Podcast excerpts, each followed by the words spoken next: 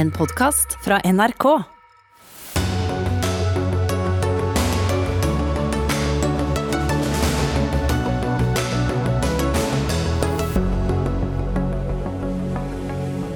Equinor tapte mer penger enn noe annet norsk selskap med sine tolv år med investeringer i USA. Stortinget har kalt inn til høring for lukkede dører. Stortinget misbruker Equinor for å beskytte seg selv, sier Dagens Næringslivs kommentator. Ett år er gått siden trygdeskandalen kom for en dag. Etaten har fortsatt ikke lært av sine feil, mener en av de som er rammet på vegne av mange. Og folk dør mens de venter på en avklaring, sier SV, som vil ha en spesialdomstol for Nav-saker. I Frankrike er enda en mann blitt arrestert etter knivdrapene i en kirke i Nis. Politiet mistenker at han har hjulpet den antatte gjerningsmannen, den 21 år gamle tuniseren. Trump haler innpå, melder flere medier, men er det nok til å bli gjenvalgt som president i USA? Vi har med en norsk politiker som tror Trump vinner, og en norsk professor som frykter at han vil sette himmel og hav i bevegelse. Altså bruke makt for å bli sittende. Velkommen til Dagsnytt 18 i NRK P2 og på NRK1, i dag med Ugo Fermariello i studio. Hvordan oppførte staten seg da Equinor tapte 200 milliarder kroner i investeringer på sine oljeprosjekter i USA? Det skulle vi ha fått et svar på under en høring tirsdag som kommer, der Equinor og flere tidligere statsråder er invitert. Men energi- og miljøkomiteen på Stortinget har bestemt seg for at den skal gå for lukkede dører for media og for publikum som ikke får komme inn. Terje Erikstad, finansredaktør i Dagens Næringsliv. Det er dere som eh, i mai avslørte for, eh, for oss alle at uh, vårt største selskap har tapt over 200 milliarder kroner i USA. Hvorfor tror du at komiteen ønsker lukkede dører? Jeg tror at komiteen ønsker lukkede dører fordi de vil skjule den inkompetansen staten har vist som eier. Dette handler jo om det største selskapet i Norge, hvor staten eier 67% og med et tap på over 200 milliarder, så er det over 130 milliarder av fellesskapets midler som er borte. Og hva gjorde eieren, den største eieren, eh, når dette skjedde?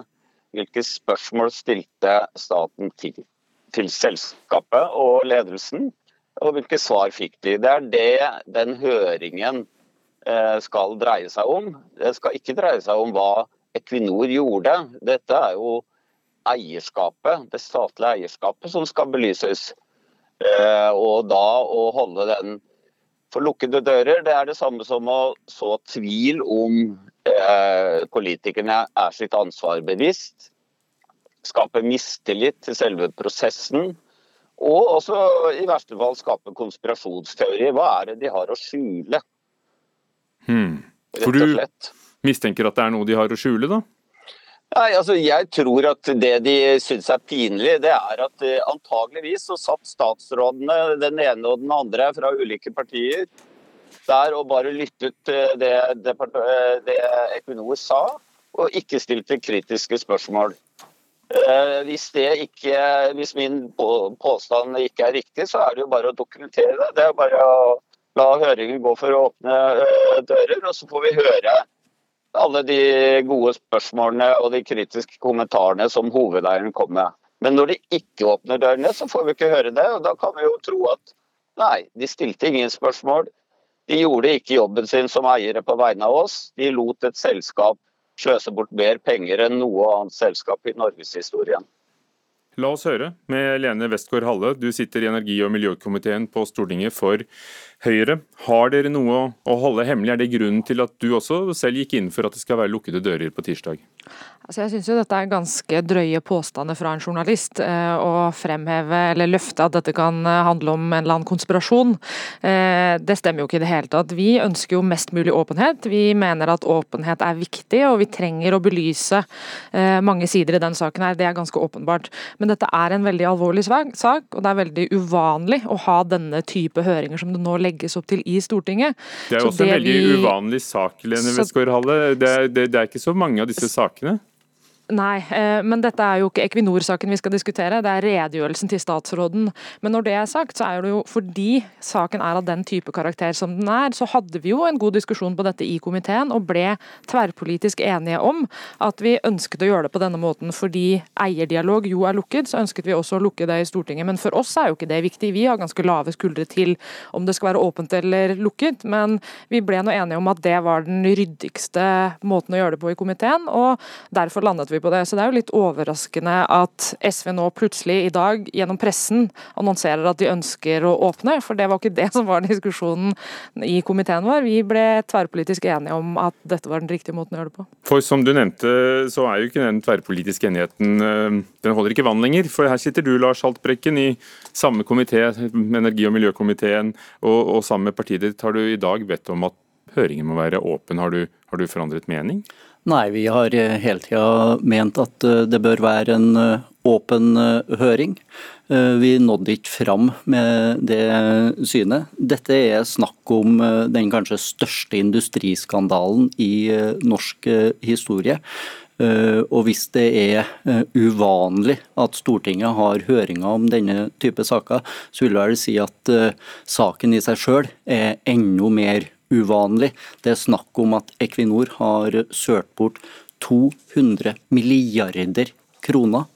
Det er klart at det har offentlighetens interesse å få vite hvordan eh, staten har styrt eh, Equinor, eller styrt eh, eierdialogen med Equinor. Vi i SV tok tidlig til orde for at det burde være en høring om saken. Vi ville også ha den i kontroll- og konstitusjonskomiteen. Og vi ville ikke bare ha dagens statsråd fra Høyre, men vi ville også ha tidligere statsråder. Nettopp for å få svar på hvem visste hva når, eller hvem burde ha visst hva når. Ble de riktige spørsmålene stilt underveis? Uh, utførte man uh, den kontrollen som man burde ha utført med selskapet, eller Men dere er vel ikke enig i, i spørsmålene uh, som skal stilles? Det er vel hvorvidt vi andre skal ha tilgang til det. Og Lene Westgård Halle, hvorfor tror du at denne dialogen blir mer åpen med lukkede dører? Equinor har ikke bedt om lukkede dører? Nei, Equinor har ikke bedt om det, eh, statsråden har ikke bedt om det, men vi hadde den diskusjonen i komiteen. Og det Haltbrekken sier er jo ikke helt riktig, fordi vi var enige om i komiteen at vi skulle gjøre det på den måten. Og det handler ikke om å lukke noe, det handler ikke om å skjule noe. Altså For oss i Høyre har vi jo et veldig avslappa forhold til dette her. Vi har jo bare hatt statsråden i noen få måneder. Dette har jo først og fremst hadde... egentlig vært avgjørelser som har tatt under de rød-grønne. Men nå er det i hvert fall tydelig at dere ikke lenger er enige. Det, det kom jo, Men det er jo veldig interessant. helt frem nå. Det er jo veldig et, interessant. et, et lite øyeblikk, eh, Lene Westgård Halle. Eh, er det noe vi går glipp av? Blir det en mindre åpen eh, dialog med åpne dører? Nei, altså Vi har som sagt ganske avslappa forhold til dette. her, fordi Det var jo ikke under vår regjering at disse avgjørelsene ble tatt. Det var jo under den rød-grønne regjeringen, så vi har jo et avslappa forhold til det. Men vi var som sagt enige om det i komiteen, så kan vi gjerne diskutere det på nytt. Vi, eh, vi har ikke noe sterke meninger om det, vi. Men det blir gjort gjennom media for å skape et politisk sirkus av en sak som er veldig alvorlig, og det syns jeg er under enhver kritikk. Dette er ikke for å skape politisk eh, sirkus. Vi sendte en henvendelse til komiteen i dag tidlig om å for igjen å prøve å få dette til å bli en åpen høring. Jeg er veldig glad for at eh, Lene Westgård Halle nå sier at eh, Høyre har lave skuldre på dette. Da regner jeg med at det blir flertall i komiteen nå, kanskje også enstemmighet, for å ha en åpen høring om dette på tirsdag. Terje Erikstad i Dagens Næringsliv, som har fulgt denne saken eh, fra den ble rullet opp eh, i, i mai, og manglende kontroll internt i, i, selskapet har dere også skrevet om. Hva, hva, er det som står på spill her? Hva er det du frykter at vi går glipp av med lukkede dører? Altså Våre representanter, politikerne på Stortinget, får jo vite, vite om hvordan dette har foregått? Ja, nei, Jeg tror ikke at de har eh, si, noen hemmeligheter som vi absolutt ikke vet om. Det, det, vi går glipp av hvis vi ikke høringen er åpen, det er jo eh, å se om hva er det politikerne nå da eh, lurer på. Eh, hvor kritiske spørsmål stiller de til sine partifeller og tidligere statsråder. Eh, hva, eh, hva, var det egentlig Equinor fortalte til statsrådene? Og hva var det statsrådene spurte om? Alt det der bør jo bare være i full åpenhet. Og, jeg må bare si at Begrunnelsen for lukking er jo helt høl i hodet, for å si det litt folkelig. Altså, man snakker om at det kunne komme fram børssensitive opplysninger. Virker som politikerne ikke i hele tatt har skjønt hvordan det fungerer. Børssensitive opplysninger er opplysninger som kan påvirke kursen på et selskap. Hvis Equinor hadde sittet på børssensitive opplysninger om USA-virksomheten, så skulle selskapet ha offentliggjort det. Det er det man er pålagt å, å, gjøre etter loven. Og Selskapet sier at det har ingen børssensitive opplysninger å komme med. Vi snakker om noe som har skjedd over tolv år. Og alle de børssensitive opplysningene knyttet til den virksomheten er allerede publisert. Så at, Det er rett og slett den mest tåpelige begrunnelsen jeg har hørt for en lukking noen gang.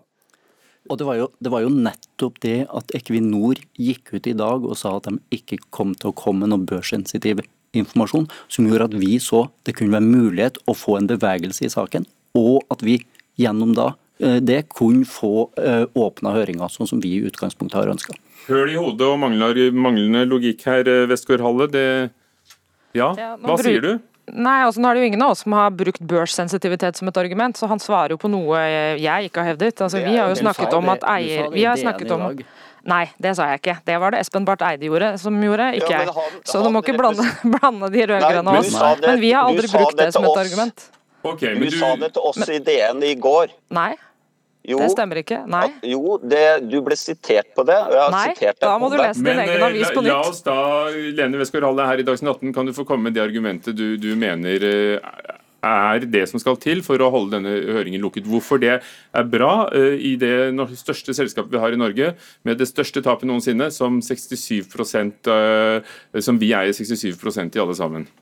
Nei, som jeg sa i sted, For oss er det ikke viktig om det er åpent eller lukket. Vi hadde en diskusjon i komiteen på hvordan vi skulle gjøre det. Vi mente at dette var ryddig fordi det handlet om eierdialog, ikke, børs, ikke børssensitivitet. Men hvorfor er det da lukket? Gjerne... Burde ikke da normen være åpen på Stortinget? Nei, altså det, grunnen til det er jo at det er eierdialog, og eierdialog er normalt sett lukket. Eh, så hadde vi en diskusjon på det i komiteen, og da landet vi på at det var det vi skulle gjøre. Men det er ikke viktig for oss. Altså, men eierdialogen er vel den dialogen uh, regjeringen har med selskapene som staten eier. Dette er jo en høring for Stortingets representanter. Ja, men Det er jo en høring om redegjørelsen til olje- og energiministeren, og den redegjørelsen omhandlet eierdialog. og Det var derfor det ble et tema. Men som sagt så er jo ikke det viktig for oss, fordi den eierdialogen har jo først og fremst ikke pågått under Høyre. Så vi har jo ikke noe øh, sterke følelser for om det skal være åpnet eller lukket. Så da kan det være åpent? Kan dere fortsatt revurdere dette etter at dere har fått disse argumentene og politisk motstand fra et parti? Ja, jeg må jo innrømme at jeg syns kanskje det er litt trist at dette blir gjort på den måten som det gjort av opposisjonen, og at man gjør dette gjennom media. At ikke vi kunne tatt det når vi hadde komitémøte og diskuterte i et komitémøte. Så det er jo en litt sånn måte å lage et stort sirkus ut av en veldig alvorlig sak på. Men, anligger. Har du, kunne du ikke bare sendt en e-post da, Haltbrekken? Jeg sendte en e-post i dag tidlig til komiteen, nettopp ja, for, å få, for, å få, uh, muligheten til nå å ha en åpen høring. Men dette med eierdialog. Vi har hatt flere høringer i Stortinget, bl.a. i kontroll- og konstitusjonskomiteen, om eierdialogen mellom staten og ulike statlige selskap. De har vært åpne. Det har vært om Telenor og VimpelCom-skandalen. Det har vært om Norsk Hydro. Og, og, det har vært og om tirsdag blir det om Equinor, og, og kanskje blir den åpen. Som det ser ut nå, så er det fortsatt bestemt at den er lukket. Takk skal dere ha. Lars Haltbrekken fra SV, Lene Westgård-Halle fra Høyre og Terje Erikstad, finansredaktør i Dagens Næringsliv.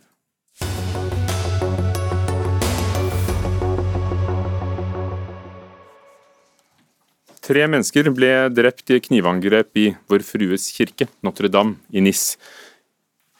Og en 21 år gammel tunisier er pågrepet, og i dag har det vært enda en arrestasjon. Mannen er mistenkt for å ha hjulpet tuniseren. Politiets sikkerhetstjeneste vurderer at trusselen fra terror fra ekstreme islamister i Norge nå er skjerpet ut fra den siste vurderingen, men trusselnivået er fortsatt moderat. Simen Ekern, vår europakorrespondent, hva mer vet vi om mannen som er blitt arrestert etter, etter angrepet i går? Ja, Den andre mannen er en 47-åring som politiet undersøker eh, om, eh, om, han har stått i ledtog på noe vis med, med, gjerningsmannen. Det er en mann eh, han skal ha møtt i Nis da, rett etter at han ankom byen fra, fra Italia, hvor han jo hadde oppholdt seg siden han ankom øya Lampedusa 20.9. For det store spørsmålet er handlet mannen alene eller står han i ledetog med andre. Er det kommet noen nærmere eh, å rulle opp eh, noe nettverk rundt ham? Den antatte gjerningsmannen, da? Nei, altså det vi vet, vi har, det har vært intervjuer med eh, familien hans i Tunisia i dag, der moren forklarer at gjerningsmannen eh, de siste to og et halvt årene sier hun, har trukket seg inn i seg selv, eh, bare sittet inne eh, og bedt. Eh, han har prøvd å komme seg til Europa før, eh, og varslet ikke familien, eh, sier de, før han nå denne gangen kom seg over til Lampedusa. Og Da sier familien også at de ble overrasket da han sendte en melding og sa nå drar jeg til Frankrike, fordi de sa at han verken snakket fransk eller hadde noe nettverk i Frankrike. Det vet vi selvfølgelig ikke om det stemmer, og vi vet heller ikke hva slags nettverk han har hatt i Italia før han, dro til NIS. Og vi vet heller ikke hva det var som fikk han til å gjøre det. Om dette var planlagt allerede fra begynnelsen, eller om dette var noe eh, han da fikk eh, grotesk inspirasjon til mens han var i Italia og bestemte seg for å dra eh, til Frankrike. Alle disse spørsmålene er jo foreløpig åpne.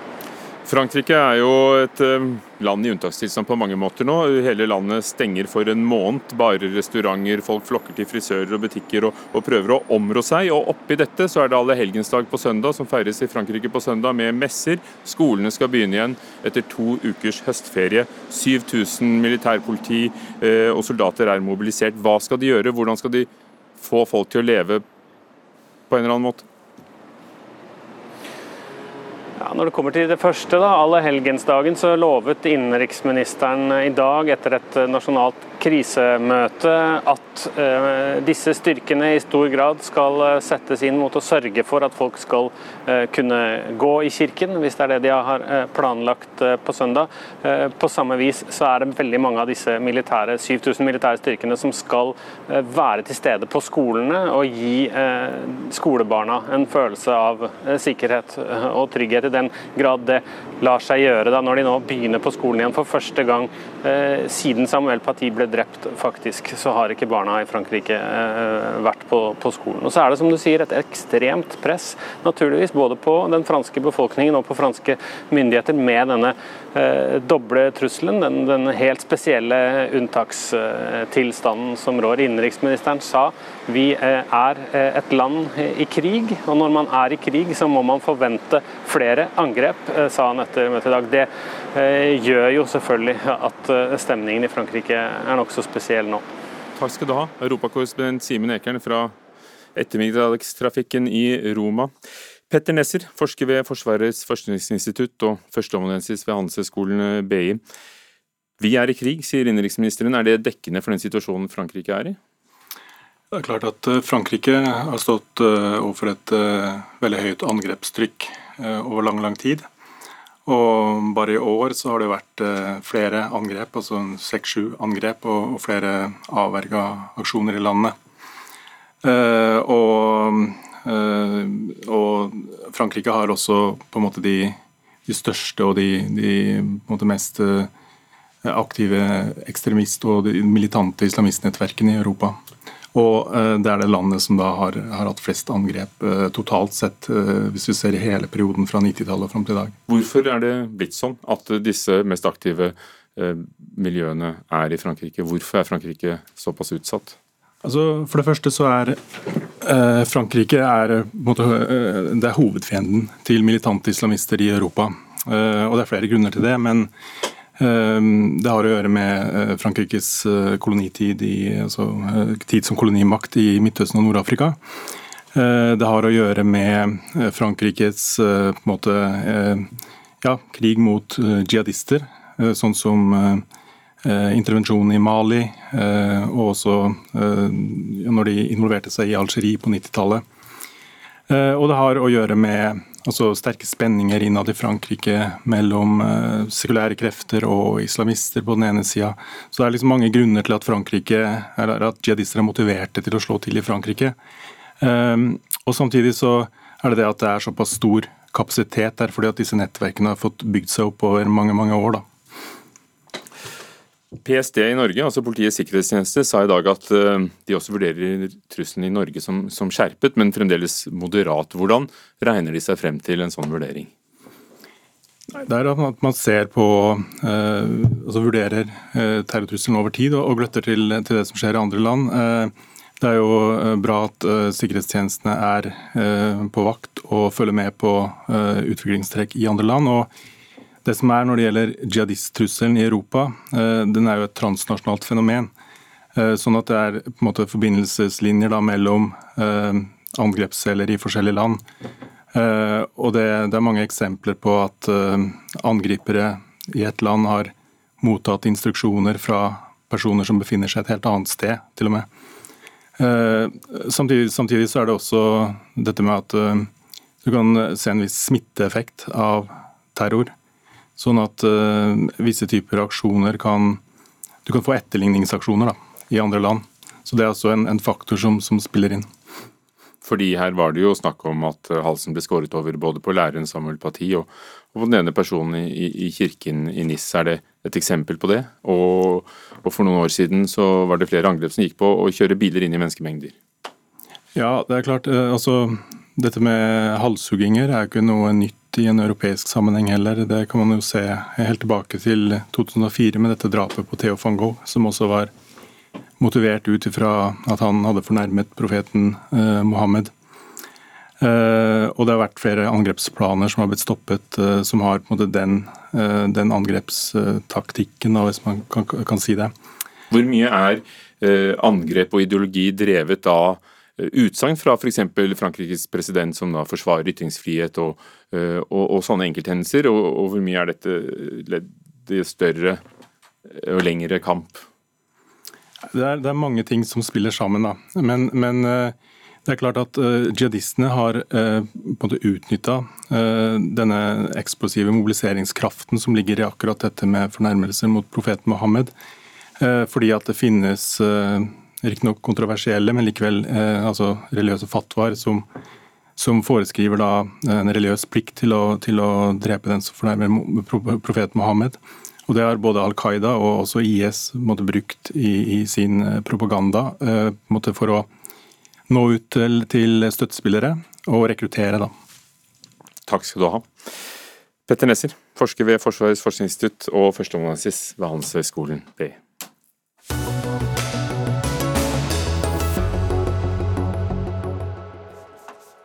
Nav har brukt 135 millioner kroner på å betale tilbake og, slette gjeld.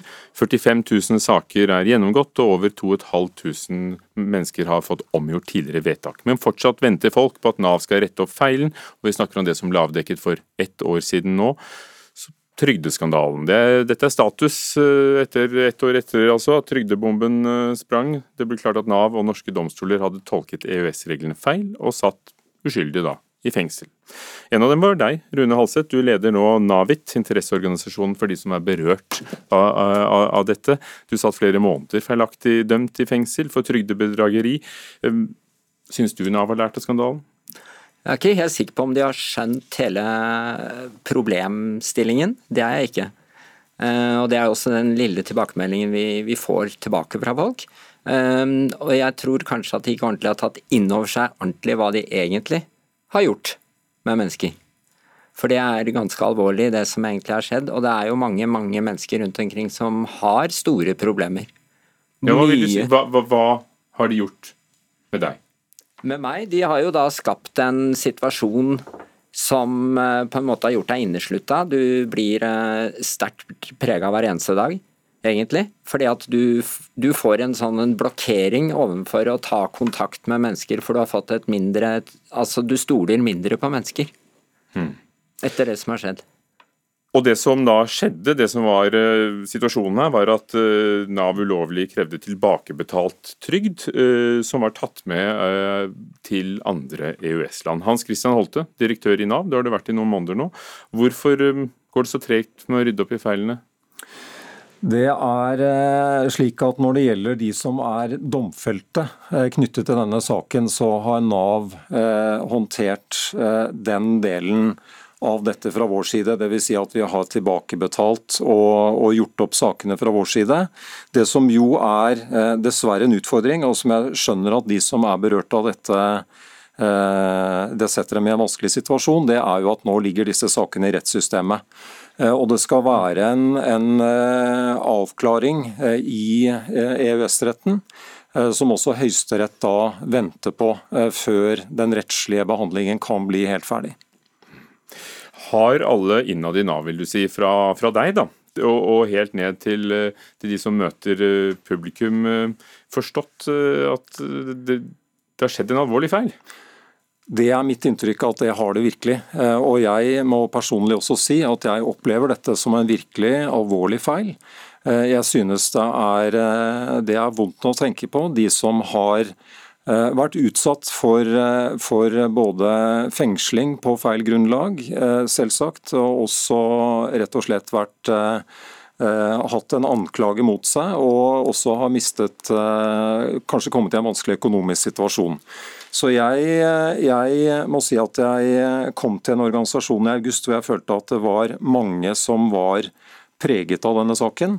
Eh, og så har det vært, eh, også vært gjort et arbeid det siste året, eh, ganske intenst, for å, å jobbe med å rette opp disse sakene. Hvor mange saker har dere sett på? Vi har sett på ca. 45 000 saker. Hvor mange skal dere se på? Uh, og det, vi, vi, ser fortsatt på saker, men vi, vi har ikke et sånt uh, absolutt tall. Uh, fordi det er slik at for det første så Eh, så er vi nå eh, Vi har identifisert ca. 2500 eh, feil som vi retter opp i. Og så vil det tallet øke, det vet vi. Men per nå så, så, er det vanskelig å si akkurat hvor mange saker vi vil gå gjennom. Et problem med det er nemlig at vi ut fra den rettslige avklaringen som jeg nettopp nevnte, så blir det viktig å se hvor langt tilbake i tid vi skal gå, bl.a. Ja, det skal vi komme tilbake til ganske snart. Men Rune Halseth, du satt i dette studio og, og fikk en Eh, unnskyldning fra daværende Nav-direktør Sigrun Vågøen mm. for, eh, for, omtrent et år siden. Ja. og vi fikk unnskyldninger og masse lovnader. Men 45 000 saker har de gått gjennom. Ja. Oppdaget 2500 feil. Mm. Skjønner du at det kan ta tid, selv om ja. det er alvorlig for dem det rammer? Det gjør vi. Men uh, samtidig så får jo vi også tilbakemeldinger fortsatt at, uh, at folk er, uh, ikke har hørt noen tingen. Og det, eh, blant annet en av de straffedømte er fortsatt ikke ringt opp. For dere har altså nå over 800 mennesker i din organisasjon. Ja. Eh, og ja, kan det være at det er noen som ikke har fått den beskjeden du sier du gjerne ville at de skulle ha fått? Jeg, jeg må bare få en liten kommentar. Jeg tror ikke alle har, har fått den beskjeden av det vi hører om folk som sier at de har ikke. Og var, Du var jo også ute og etterlyste folk etter at vi hadde hatt møte med deg den første, så kom jo det ut i avisen. Og den satte vi pris på, selvfølgelig. Men, eh, og da er mitt egentlige spørsmål er da, etter at den kom ut, hvor mange har da meldt seg etterpå, vet du det? Det altså, var det helt Det skulle jo egentlig ikke vært nødvendig å gå ut og etterlyse dem. De skulle jo vært inne i et system som da er oppe etter det vi hører at vi har et så flott system. Da må det jo være en svikt i systemet. Hoppe. Ja, jo, jeg kan si det at eh, vi har dessverre ikke så gode systemer at det er lett å si med 100% sikkerhet at akkurat disse er det det gjelder. Vi leter og vi har jobbet med dette siden dette ble avdekket for et år siden. Og, og, det som er sagt er jo at vi skal snu alle steiner for å se eh, og prøve å finne alle de som er berørt av denne saken. Så har vi også for så vidt hele veien sagt at vi trenger også, eh, ønsker også at de som eh, vurderer om de kan være berørt av dette, de bør ta kontakt med oss. Og Vi får nå ca. 40 telefoner i uka hvor de ringer til denne telefonen, dette egne nummeret, for de som er berørt av disse sakene. For Du har laget en slags hotline for dette? Det er, det er, riktig. Men eh, når det gjelder de som er berørt. Tirsdag eh, denne uken la EFTA-domstolen frem eh, at, at, de mener at Nav må se på hele perioden fra EØS e ble opprettet, altså 1994. Eh, altså mange flere år enn i dag. Eh, hvor mange saker kan det dreie seg om? og er det, er det noe du, dere bare må begynne på, eller hva skjer da? Nei, nå er det slik at I løpet av de, de neste ukene og månedene så vil det bli avklart eh, altså den rettslige vurderingen av hvor langt tilbake i tid denne, man, regner med at, man regner at denne feilen har skjedd. Eh, så det at EFTA-domstolen mener det, det ja, det er slik altså at, at, Norge har et standpunkt eh, som sier at sakene da gjelder fra 2012 og fremover. Og så har kommisjonen i EU og ESA eh, en annen vurdering hvor de går tilbake til 1994. Så det er klart at hvis, eh, hvis den avklaringen blir at vi må gå lenger tilbake, så må vi starte et arbeid for å se hva vi kan finne i, i den perioden. Men per nå så er det det vi har jobbet med, er fra 2012 og framover. Det høres ut som du kan få mange medlemmer i foreningen? Ja, det høres veldig For å si det sånn, eventuelt mange medlemmer, ja. Da håper jeg systemet deres nå snapper opp alt dette her. og eh, som jeg sa i stad, at eh, vi tror ikke at det systemet er så godt at man bare kan luke det ut. Så jeg, da tror jeg at, vi, at, dere får store problemer. Men er det viktigste eh, unnskyldningen og holdningen, er det faktisk tilbakebetalingen av pengene her? Det viktigste for oss det er egentlig at man tar grep og får satt i gang. Og ikke hele tiden går, Vi forstår den problematikken at du må gå og vente på denne fra, fra Europadomstolen og EFTA og alt dette her. Men altså, det går an å forberede seg og bygge opp før den kommer. Ja, du skal bygge opp, altså NAV, Den rapporten som ble laget, viste at Nav mangler kompetanse, kapasitet og kritisk tenkning. Blant annet, hvordan skal du skaffe det? Jo, nå har vi, nå har vi jo, fikk jo denne granskingsutvalgsrapporten i starten av august. Eh, og nå er vi i gang også med de tiltakene vi må gjøre med hele organisasjonen vår. Så Noe av det vi gjør, er å se på hvordan vi har organisert eh, all juridisk kompetanse hos oss. Vi ser også på hvordan vi skal bygge bedre kvalitet og, kapasitet inn i direktoratet vårt, som jo er de som styrer på en måte mange av de sentrale prosessene i Nav. Eh, så vi har en del eh, konkrete tiltak på hvordan vi skal gjøre dette nå videre. Takk skal du ha. Hans Christian Holte, Nav-direktør. Da foretar vi et lite sceneskifte og slipper inn politikerne. Karin Andersen på Stortinget for SV. Du sier at du frykter at folk vil dø fordi det går eh, for sakte. Ja, det tar veldig lang tid. Og vi får jo òg veldig mange henvendelser fra folk som føler at de eh, nesten er glemt, og at dette tar eh, altfor lang tid. Og det eh, jeg savner at regjeringa på en måte hjelper til. Vi har foreslått å finne noen løsninger for å hjelpe noen av de som har blitt uskyldig dømt. For det er jo de som på en måte henger etter nå, fordi man venter på denne domstolen. Eh, for å finne det.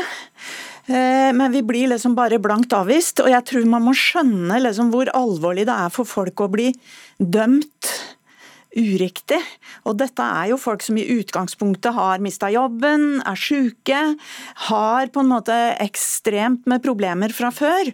Og så blir du påført dette, og det har ført med seg forferdelig mye skam også. Det haster på en måte med å få retta opp dette her for mange av dem som nå venter.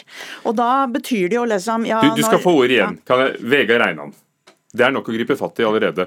Eh, statssekretær i Arbeids- og sosialdepartementet, de går for tregt, sier SV. Eh, dette er folk som har vært utsatt for store belastninger. Kunne dere gjort noe for å få fortgang på arbeidet? Altså det var jo en alvorlig, svært alvorlig rapport som kom i august, som avdekka en rekke forhold som kunne og burde vært tatt tak i tidligere. Det, eh, det har både tidligere statsråd Hauglie uttalt til Stortinget, og regjeringa vært klar på det. Eh, ved utgangen av året så vil eh, alle de som har fått eh, tilbakebetalingskrav fra Nav, få tilbake pengene, har fått tilbake pengene sine. Og så er det sånn at man jobber nå med de som har fått stans og avslag i ytelser. Og Det er jo det regjeringa har kunnet påvirke, det regjeringa kunnet sørge for at Nav tar tak i. Men de sakene som ligger igjen, og jeg har, har, kan bare forestille meg, jeg kan ikke, kan ikke si at jeg forstår, men jeg kan si at jeg forestiller meg hvordan de har det De som har vært gjennom dommer og rettsprosesser, også de som har sittet i fengsel, må ha det forferdelig. Men det som, det som er saken rundt der, er jo at Høyesterett har sagt at her er lovverket uklart. Vi trenger å få en avgjørelse fra EFTA-domstolen. Og det er én ting regjeringa ikke kan gjøre i et demokrati som det norske, så er det å blande seg inn i den prosessen som Høyesterett eier, og den Høyesterett har sendt til EFTA for å få en rettslig avklaring. En... Men i mellomtiden kunne det ikke gått an å, å gå gjennom de sakene vi vet gjelder? For det handler jo om hvor langt tilbake i tid vi skal gå, bl.a. Ja, men nå har vi jo sagt vi går tilbake til 1.6.2012, for det der er, vi, der er vi sikre på at det har vært feil praksis. Og Så ser vi nå at i innleggene til EFTA-domstolen som skal, være, skal behandles 26.11, så er selv EU-kommisjonen og ESA, som er to tunge instanser i Brussel, uenige om hvilket lovverk og regelverk som gjelder. Så det, det er ikke så rett fram. Og det verste vi kan gjøre, er jo å ta en forhasta gjenopptakelse av de sakene som ligger i, rettssporet, sånn at man gjør nye feil. Så nå tror jeg det er viktig at vi lar rettssporet gå.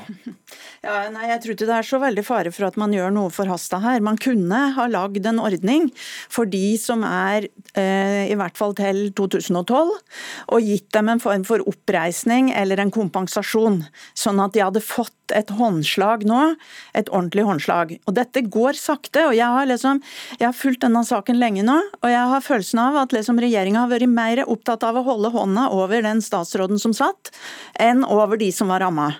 Og det må jeg si er ganske ille, for dette er altså dette er folk som er i en vanskelig situasjon, har vent seg til det offentlige for å få hjelp, og så har blitt til og med fengsla.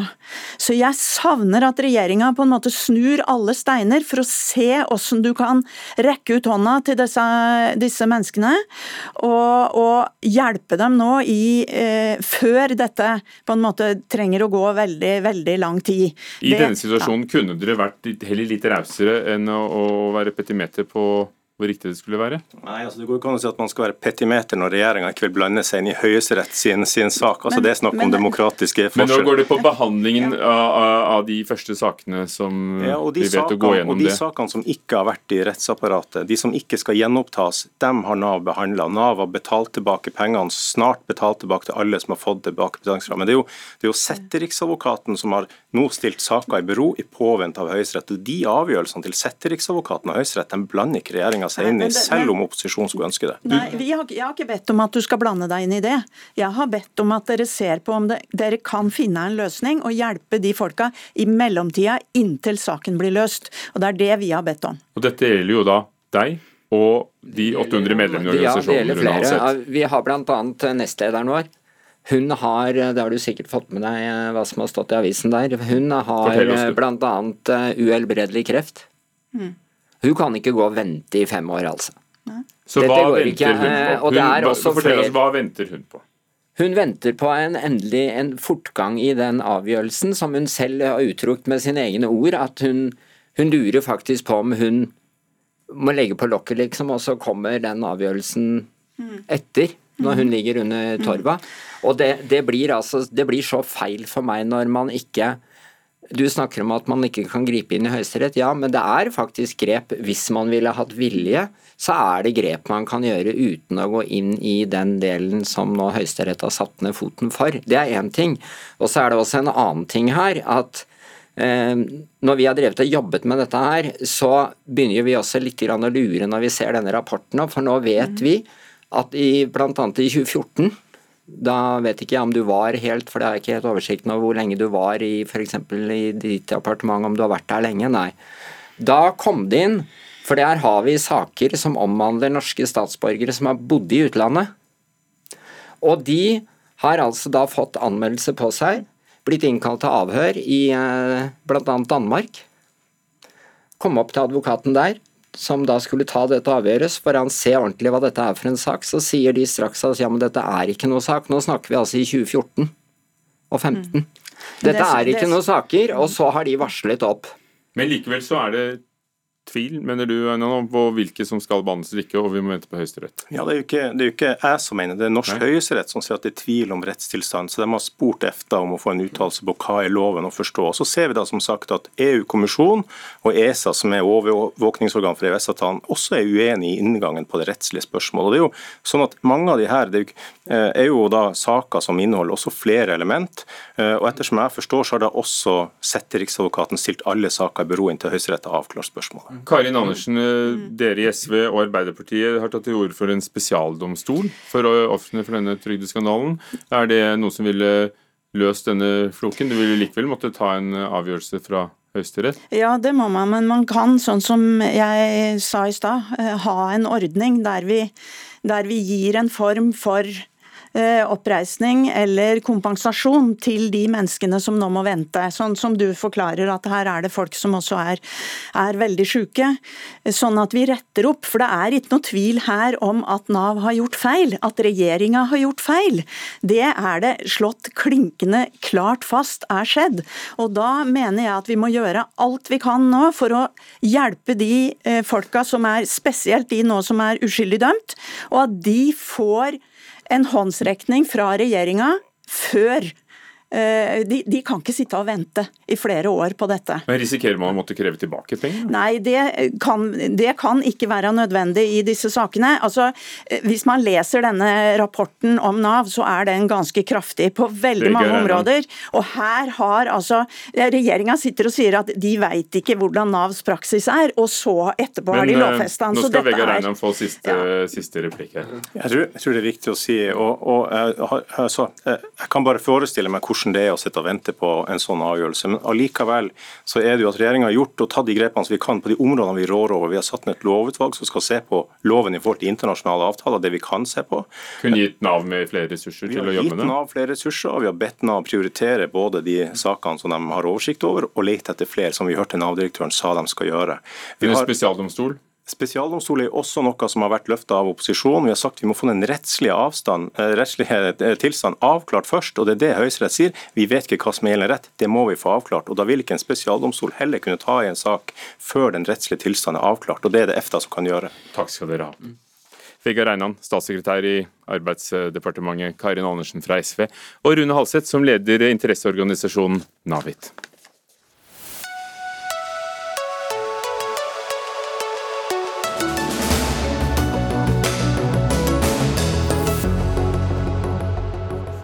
Terje Rød-Larsen, toppdiplomat og fredsmegler, gikk av som leder for en internasjonal tenketank i New York etter 15 år i jobben, etter å ha lånt penger av finansmannen og overgriperen Jeffrey Epstein. Hva ligger bak? Vi skal spørre journalisten som har avdekket forbindelsene mellom Rød-Larsen og Epstein, mot slutten av denne utgaven av Dagsnytt 18. Og apropos New York, ja. Kan Donald Trump fra New York bli gjenvalgt som uh, president i Det hvite huset i Washington, selv om eh, meningsmålingene ikke viser det. Gapet har altså krympet, ifølge noen medier, mellom, eh, mellom eh, de to kandidatene. USA går inn i denne nervepirrende valghelgen, fordi på valghelgen på tirsdag er det vi får svaret på om hjernene bak meningsmålingene har begått samme tabbe som i 2016 og undervurdert Donald Trumps sjanser. Elisabeth Ivarsflaten, professor i sammenlignende politikk ved Universitetet i Bergen. Du, du, har sagt til oss tidligere at du var veldig bekymret for valget neste uke. Er det fordi du, du frykter at det skal oppstå et, et, et, kaos? Ja, det er det. Du tok jo kontakt med meg for å spørre hva jeg trodde ble valgutfallet. Og så sa jeg at jeg tror vi må snakke om noe litt viktigere. Og det er at eh, vi for første gang på enormt lenge står i en situasjon der jeg mange andre statsvitere og eksperter på ytre høyre og demokratier er bekymret. Og det vi er bekymret for, det er det at USA er et betydelig mindre demokratisk land nå enn det var før Donald Trump ble president. Og det vi lurer på, eh, det er om USA er gått så langt nå i autoritær retning eh, at det kan oppstå et scenario der det republikanske partiet kommer til å gå lenger enn de har gjort noen gang tidligere i moderne tid, i å bryte demokratiske spilleregler. For å sikre partiet sitt, under ledelse av Donald Trump, eh, fortsatt makt. Og jeg tror at det er et relativt eh, sannsynlig scenario at vi kommer til å se et forsøk på det. Vi skal høre mer om uh, hvordan du tenker deg at, at dette kan foregå. Uh, først til USA. Anders Magnus, vår korrespondent. Stemmer det at, at Trump haler inn på Biden, som noen rapporterer om? Det er veldig vanskelig å si. Jeg ville ikke satt penger på noen meningsmålinger så langt. Det er noen meningsmålinger som sier at Biden taper terreng i noen delstater, andre sier det motsatte. Det vi skal huske på, er at eh, f.eks. i en stat som eh, Michigan, så var eh, Hillary Clinton foran Trump med like mange prosentpoeng som Biden er foran Trump i år, men Trump vant allikevel. Så det er nok veldig vanskelig å si hva utfallet av dette valget kommer til å bli. Og så er det jo, eh, Jeg må jo få lov å korrigere deg litt. Du sa at vi kommer til å vite dette resultatet 3.11. Det tror ikke jeg, for det er, det er så veldig mange poststemmer som skal telles opp. Og eh, I noen delstater så har man fått lov til å telle det opp i ti dager etter 3.11. I andre delstater får man lov å telle det opp i tre dager. I noen delstater får man ikke lov til å telle det opp i det hele tatt eh, etter valgdagen. Så hvis de kommer altså hvis de er postlagt før valgdagen, men kommer inn etter, så får man ikke lov å telle de opp. Og Dette kommer nok til å bli utfordret i rettssystemet. Så Det som kan komme til å skje, er jo at veldig mange av de 84 millioner eh, forhåndsstemmene som er avlagt, kan komme til å bli forkastet. Og det kan snu opp ned på hele dette resultatet.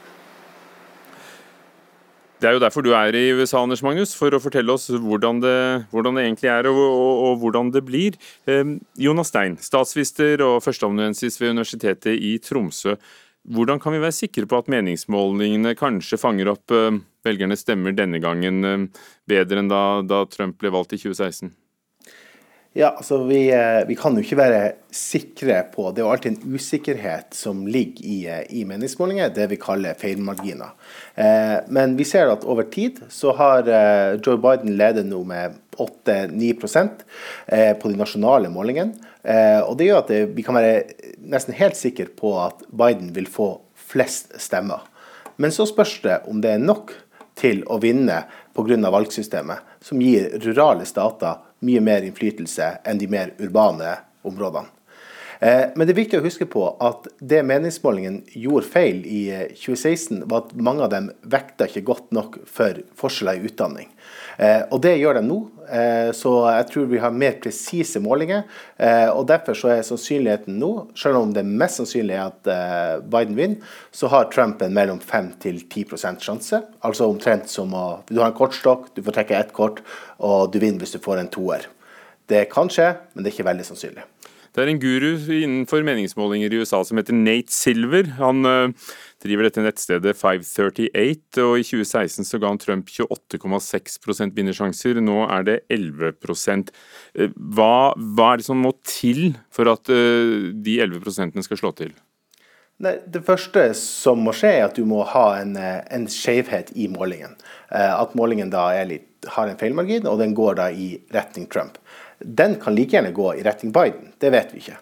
Eh, det andre som må skje, er at det må da skje i de spesielle statene som vi vet er nøkkelstatene. Florida, Pennsylvania og er kanskje de to som er de viktigste.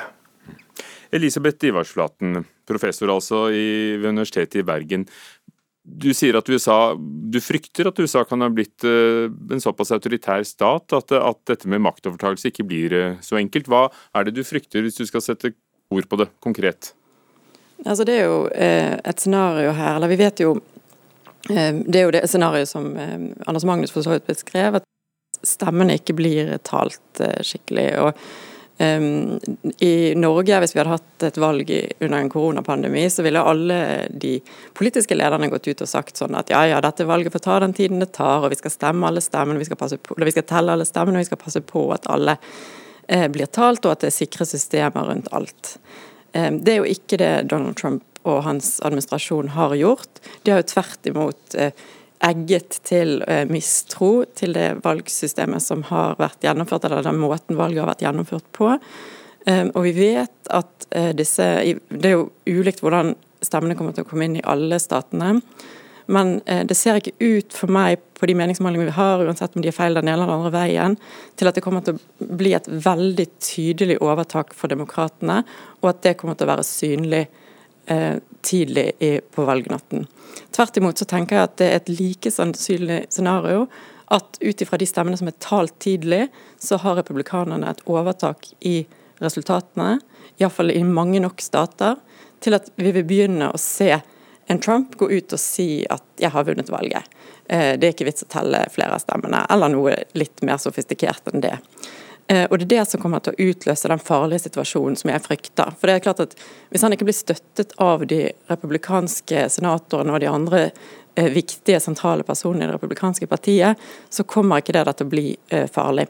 Men hvis de øyner en mulighet for at Donald Trump kan klare å beholde makten ved den strategien, så er det ikke sikkert at de kommer til å insistere på de demokratiske spillereglene. Og Det mener jeg har god, godt belegg for å si, med bakgrunn i sånn som de har agert frem til nå i denne administrasjonen.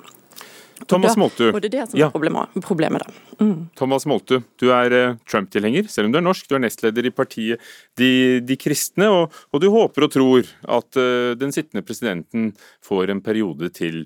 Uh, når du ser Bidens forsprang, 11 sjanse, uh, hva får deg til til å tro det? Ja, takk skal du ha. Vi jeg må først få lov å kommentere dette med autoritær eh, retning i forhold til eh, presidentvalget. Hvilket jeg synes ja, du, du, skal få det spørsmålet, men, men, kan du ikke si litt om hvorfor du tror at, at Trump har en sjanse? Jeg kan godt si det. Hvis du ser på begeistringen rundt Trump, så er den ganske eksepsjonell. Eh, og Hvis du går og ser på eh, tilsvarende hos Biden, så er begeistringen totalt fraværende. Eh, og Spør du noen hvorfor de stemmer på Biden, så vet de egentlig ikke hvorfor de gjør det, annet enn fordi at de har lyst til å bytte ut Trump. Og, de, Trump altså Biden har ingenting som begeistrer velgerne overhodet, mens det har Donald Trump. Så går du på noen av rallyene hans og følger med på hva som skjer der, så er det en enorm begeistring. Og det er en folkelig begeistring. Det er en begeistring blant grasrota. ikke så mye blant eliten, men eh, blant vanlige folk så er det kjempebegeistring, og, og folket vil ha han. Og, og, folk ser på han som en eh, forkjemper for demokrati, som gir folket eh, makten tilbake igjen. Mens Biden er det motsatte, noe som trekker makten opp og inn i eliten, inn i Washington igjen. Eh, og, og derfor så utfordrer det etablerte, om du vil. Men om han likevel ikke skulle få nok stemmer i valgmannskollegiet, for det er det det handler om, å få nok stemmer i dette kollegiet av valgmenn som skal, og kvinner som skal, som skal velge en av kandidatene. Tror du at alt vil foregå rolig, fredelig, ordnet, som vi er vant til? Eh, jeg ikke bare tror det, men jeg er helt sikker på det. Eh, og Det bekreftet jo også Donald Trump i siste valgdebatten, hvilket jeg syns han gjorde en fabelaktig god debatt, i motsetning til den første, som jeg ikke syns noen gjorde en veldig god eh, figur. Eh, men han var tydelig på det. Får vi en eh, fair election, altså en rettferdig valg, så det, kommer dette til å være ingen problem. Altså Han gir fra seg makten, og det samme gjør republikanerne. Og De har tradisjon for å være ryddig og redelig, og, og dette går greit. Eh, så har vi introdusert nesten en en ny måte å drive eh, valg på i USA, eh, med en massiv eh, utsendelse av stemmesedler uten at velgerne har bedt om det. Og Det er et problem. og Vi hadde aldri akseptert det i Norge. Vi, I et vanlig valg her, eller selv under koronatid, så hadde vi ikke akseptert en sånn tilnærming til et valg, fordi vi var redd for uregelmessigheter. Eh, og det, de, og det, har de god grunn til å være, også i USA. Så de er nødt til å gjøre dette uh, grundig for å vite faktisk hva som blir resultatet. Og, og dette kommer sannsynligvis til å ta uh, noe tid, som vi fikk referert i sted. Takk skal du ha. Thomas Moltu. Trump-tilhenger, nestleder i partiet De kristne. Takk også til Elisabeth Ivarsflaten, professor ved Universitetet i Bergen, Jonas Stein, førsteamanuensis ved Universitetet i Tromsø, og Anders Magnus i USA.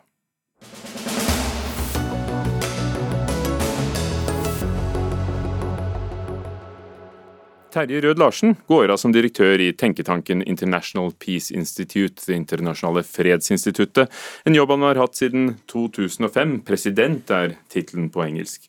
Toppdiplomaten som sto bak Oslo-avtalen i Midtøsten, visegeneralsekretær i FN og, og mange høye verv, forlater altså stillingen. Og det skjer i vanære, skriver Aftenpostens politiske redaktør i dag. Men det er Dagens Næringsliv som i en lang rekke artikler har eh, avslørt koblinger mellom Rød Larsen, instituttet og Jeffrey Epstein, finansmannen, overgriperen som ble dømt for overgrep, og som døde i fengsel offisielt av, selvmord. Tore Gjerstad, journalist i Dagens Næringsliv, det er du som sammen med Gard Oterholm har eh, gravet opp denne saken. Eh, kan du fortelle oss hvorfor gikk Rød Larsen? Det var jo fordi at styreleder eh, Kevin Rudd, som er den tidligere Eh, statsministeren i Australia eh, ble jo sammen med styret bestyrta over hvor tett koblingen mellom Jeffrey Epstein og Terje Røe-Larsen var. Altså Først fikk de vite om i fjor fra DN at de, han hadde tatt imot flere hundre tusen dollar. Og så nylig fikk da Kevin Rudd gjennom DN vite at Terje Røe-Larsen også hadde tatt opp et privat lån så styret visste ikke, før dere skrev om det, altså, at, eh, at den organisasjonen de var i styret for, hadde fått donasjoner på millioner av kroner eh, fra eh, stiftelsene som Epstein sto bak? Ja, det er det styreleder sier. Han visste ingenting.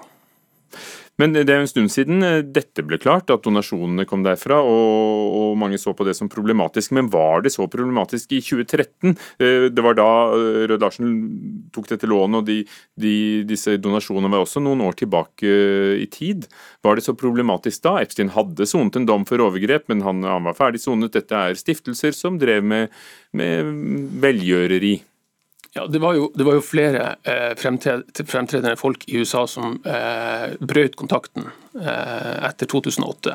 Eh, men så var det noen eh, som Jeffrey Epstein klarte da å og eh, likevel fortsette å menge seg med, som Bill Gates og, og andre. Så det er jo delt. Noen opprettholdt kontakten, noen forsterka kontakten, og noen slo handa av han. Men det er ingen som helst tvil om at det må være en grunn til at eh, donasjonen var anonym. Vi har spurt Terje Rød Larsen om å være med uh, i denne sendingen, men uh, har ikke fått svar. Det har heller ikke Dagens Næringsliv fått. Kjetil Bragli Alstein, politisk redaktør i Aftenposten. Du hadde tidligere samme stilling i Dagens Næringsliv da denne saken ble rullet opp. Først i dag skriver du en avskjed i vanære for Rød Larsen. Fortell. Nei, Det er jo en uh, veldig krass uttalelse som kommer fra Kevin Rudd og resten av styret i IPI, der uh, alt ansvar legges på Terje Rød Larsen. Uh, og de tar veldig skarp avstand fra det overhodet og har tatt imot disse pengene fra Jeffrey Epstein. De bruker ord som en motbydelig karakter, og at bare tanken på at IPI skulle være involvert i en sånn figur, er frastøtende for, eh, for IPIs eh, kjerneverdier. Så det er eh, en veldig krass, krass attest han får med seg ut døren. Og så er det jo selv om Jeffrey Epstein skulle vært en, en, en person med helt blankt rulleblad, så er jo det, å, det at en sjef i en tenketank tar opp et privat lån hos en donor, ekstremt uryddig. Er problemet dette at han ikke har informert da, styret sitt om, om dette lån og donasjoner, er problemet Epsteins eh, karakter? Det er jo begge deler. Eh, ikke minst det å ta imot eh, penger fra en, en så omstridt person. Det å ikke involvere styret i vurderingen. Er det riktig? Vi, er det riktig å ta imot disse pengene? Eh, det, man så etter at eh, Jeffrey Epstein hadde sonet den, eh, den, dommen som han fikk i 2008, var at han brukte formuen sin, rikdommen, til å, å, bygge seg opp igjen og få en, tilbake en posisjon i samfunnet, få tilbake nettverket sitt. Og, og prøve å fremstå da som velgjøreren Epstein og ikke overgriperen Epstein. Og IPI med Terje Rød Larsen var jo da en av de institusjonene som lot seg bruke på den måten. Og Da er jo spørsmålet hva, hva tenkte egentlig Terje Rød Larsen om det? Tenkte han overhodet uh, gjennom eh, den saken? Hva tenkte han om at han i tillegg hadde en privatøkonomisk forbindelse? Men det har han jo da verken diskutert med sitt styre eller vært villig til å svare på spørsmål om. Tore Gjerstad, dere har skrevet over 30 reportasjer om dette. Vet vi nå alt som er å vite om forbindelsene mellom Epstein, denne tenketanken som eh, ligger vis-à-vis -vis FN og, og, tenker mye om FN og har fått masse penger av Norge før også? Vet vi alt? Nei, det tror jeg absolutt ikke. Vi, jobber jo fortsatt med saken, eh, selv om han er, er gått av. Eh, vi har mange spor å, å følge fortsatt. Så får vi se hvordan det blir til slutt. Er det viktig å, å få de svarene? Nå er han jo gått av. Ja, det er jo, eh, ja, det, de, eh, vi sitter igjen med mange spørsmål, også fordi vi aldri har fått, fått Terje Larsen i tale. Vi har oppsøkt han. Eh, vi har sendt han mange mail, og han har fått alle muligheter til å svare. Takk skal du ha. Tore Gjerstad, journalist i Dagens Næringsliv, og takk Kjetil Bragli Astheim, politisk redaktør i Aftenposten. Lisbeth Sellereite var teknisk ansvarlig for Dagsnytt 18, Dag Dørum ansvarlig for det hele, og programleder Hugo Fermariello.